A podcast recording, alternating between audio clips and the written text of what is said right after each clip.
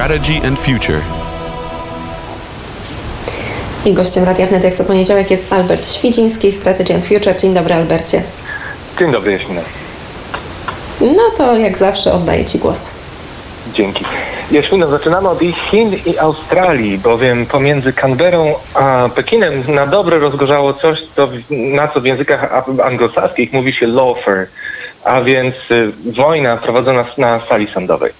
Oto w ubiegłą sobotę Australia poinformowała, że złożyła do WTO formalną skargę na Chiny w związku z nałożonymi przez nie cłami, którymi zosta obłożone zostały australijskie wina. Przypomnijmy, nałożone w listopadzie ubiegłego roku cła spowodowały przynajmniej dwukrotny wzrost cen australijskiego trunku w Chinach. W rezultacie tego sprzedaż australijskich win zmalała w pierwszych czterech miesiącach bieżącego roku aż o 96%, z poziomu 244 milionów dolarów do zaledwie 9 milionów. W odpowiedzi na to z kolei Chińczycy zareagowali własnym kontrpozwem również złożonym przy, przy WTO, przy, przez WTO, w którym oskarżają Canberrę o nakładanie nieuzasadnionych ceł y, antydumpingowych na wyprodukowane w Chinach turbiny wiatrowe, zlewy z aluminium oraz koła kolejowe. Natomiast skoro mówimy o australijsko-chińskich relacjach, warto wspomnieć, że po porcie Darwin teraz przez australijskich polityków uważnie prześwietlany jest port Newcastle, a więc największy port załadunkowy węgla na świecie. Podobnie jak miało to miejsce w wypadku leżącego w stanie Victoria portu Darwin, taki leżący w Nowej Południowej Walii port Newcastle jest powiązany z chińskim kapitałem.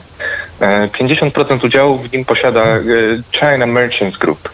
W ubiegły weekend grupa 14 parlamentarzystów, australijskich parlamentarzystów zaapelowała do premiera Australii Scotta Morrisona o uznanie portu w Newcastle za posiadający pozycję monopolisty co z kolei umożliwiłoby ścisły nadzór nad cenami załadunku dyktowanymi przez władze portu. Apel zawierał również stwierdzenia sugerujące, że kontrola chińskiej firmy nad portem daje komunistycznej partii Chin geopolityczną kontrolę nad australijskim węglem.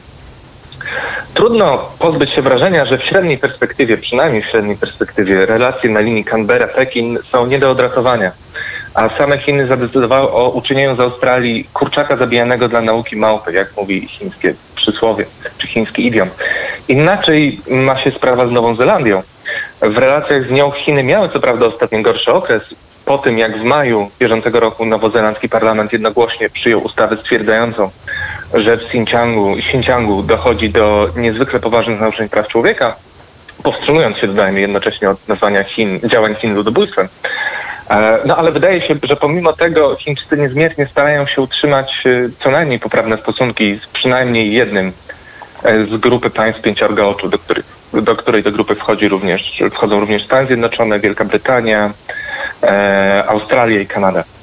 Oto podczas wtorkowej telekonferencji minister spraw zagranicznych HRL Wang Yi stwierdził, że obydwa państwa nie mają zatargów historycznych ani bieżących sporów, w związku z tym powinny zintensyfikować współpracę gospodarczą, w tym w ramach inicjatywy Pasa i Szlaku.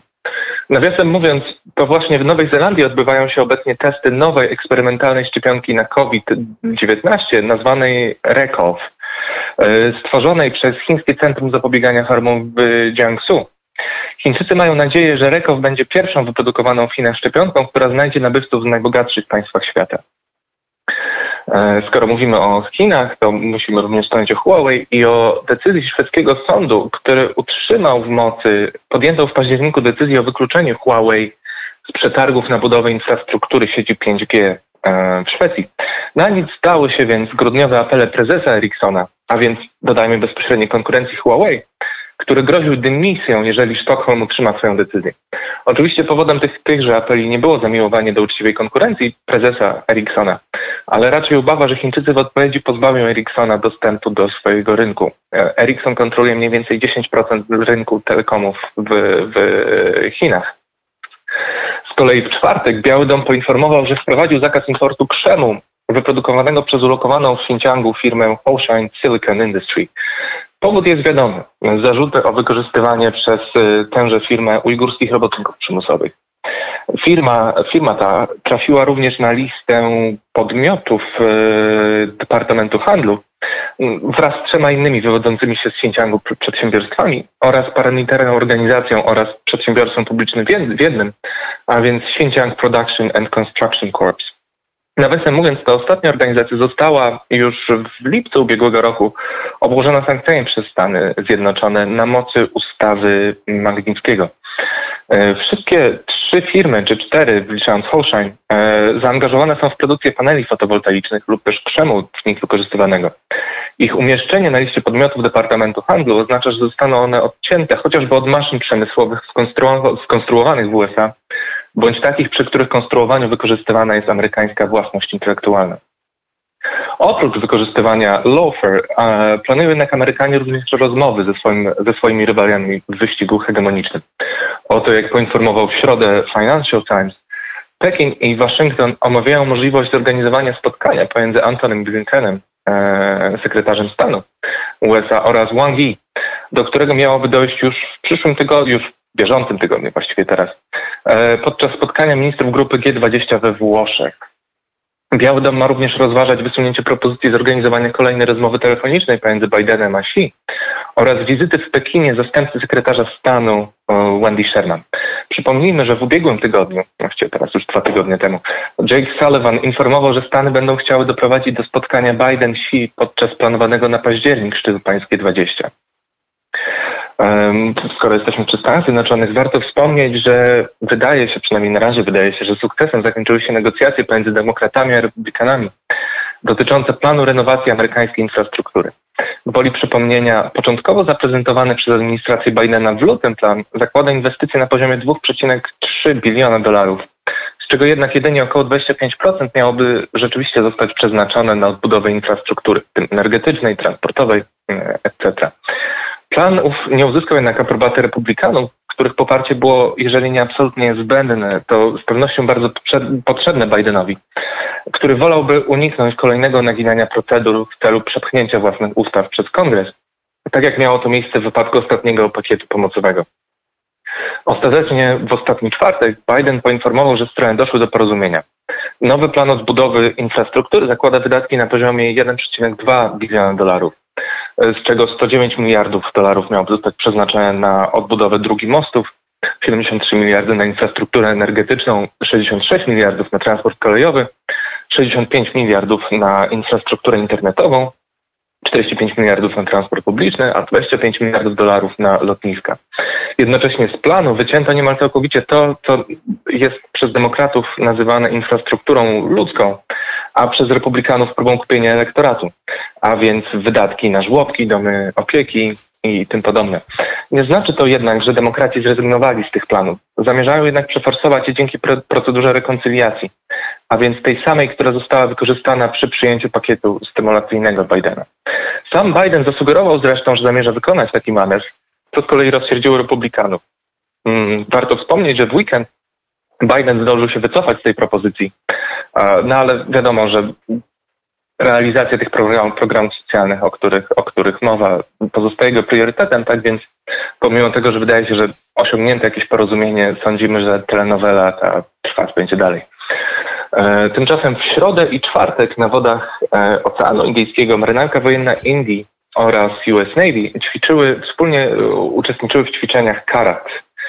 W ćwiczeniach brała udział grupa lotniskowcowa skoncentrowana wokół lotniskowca USS Ronald Reagan, który opuścił już wody Morza Południowochińskiego i wkrótce rozpocznie misję osłaniania wycofywania się amerykańskich żołnierzy z Afganistanu.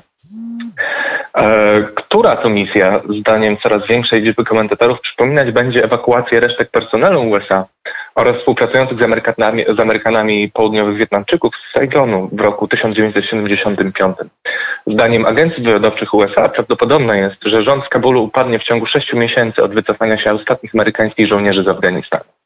Tymczasem talibowie w błyskawicznym tempie zajmują kolejne miasta i regiony Afganistanu, e, w szczególności na północy kraju. Dla przykładu, w środę ich siły oblegały leżące na tadżycko-uzbecko-afgańskim pograniczu miasta Mazar-i Sharif oraz Kunduz. Ostatnie tygodnie to również zalew publikowanych przez talibów zdjęć wyprodukowanej w Stanach Zjednoczonych broni, przyjętej przez nich najczęściej bez walki od żołnierzy armii afgańskiej. E, ostatni, w ostatnich dniach w ręce taliban, e, talibów miało również paść kilkaset pojazdów Humvee oraz innych pojazdów wojskowych dostarczonych afgańskiej armii przez Stany Zjednoczone. W tym miejscu warto przypomnieć opublikowany dwa tygodnie temu komunikat NATO, w którym stwierdza się, że dzięki rozpoczętej 20 lat temu interwencji Sojusz, i tu cytat, uniemożliwił uczynienie z Afganistanu bezpiecznej przystani dla terrorystów, pomógł tworzyć infrastrukturę, architekturę bezpieczeństwa oraz wyszkolił siły zbrojne Afganistanu, dzięki czemu te będą gotowe wziąć pełną odpowiedzialność za bezpieczeństwo swojego kraju, no i zwrócić na bolesną dla nas różnicę pomiędzy rzeczywistością przedstawioną a faktycznym stanem, e, faktyczną rzeczywistością, taką jak ona wygląda e, i, tym, jak rozbieżna jest ona pomiędzy komunikatami NATO a rzeczywistością.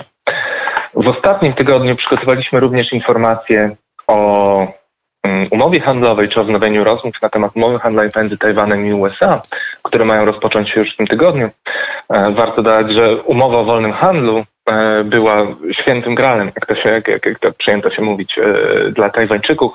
Natomiast negocjacje, które prowadzono już od 1994 roku, do tej pory nie przyniosły rezultatu. Być może teraz na w tle, rozgrywając się w tle rywalizacji pomiędzy Chinami a USA e, Waszyngton spojrzy życzliwszym okiem na taką możliwość. Pisaliśmy również o propozycji zorganizowania szczytu pomiędzy, e, czy propozycji zaproszenia prezydenta Putina na szczyt przywódców e, Unii Europejskiej, którą to propozycję wysunęli w zeszłym tygodniu e, przywódcy Niemiec i Francji, a która ostatecznie została strącona, jak to się mówi, przez, przez państwo bałtyckie i przez Polskę. Mówiliśmy o kongre- o rywalizacji w kosmosie i o słowach e, mm, jednego z dowódców Space Force, który wspominał o Directed Energy Weapons, o, uzbro- o systemach uzbrojenia wykorzystujących wiązkę energii, które to Stany Zjednoczone mają posiadać. Mówiliśmy również o sytuacji w Turcji, o sytuacji na Białorusi, czy o sytuacji na Morzu Czarnym, gdzie Mm, ostrzeżony miał zostać e, brytyjski niszczyciel przez, przez Rosjan. Natomiast jeżeli chcieliby Państwo dowiedzieć się więcej o tych wszystkich rzeczach, zachęcam do lektury Weekly Brief i w ogóle do lektury artykułów zamieszczanych na Strategy and Future. Dziękuję.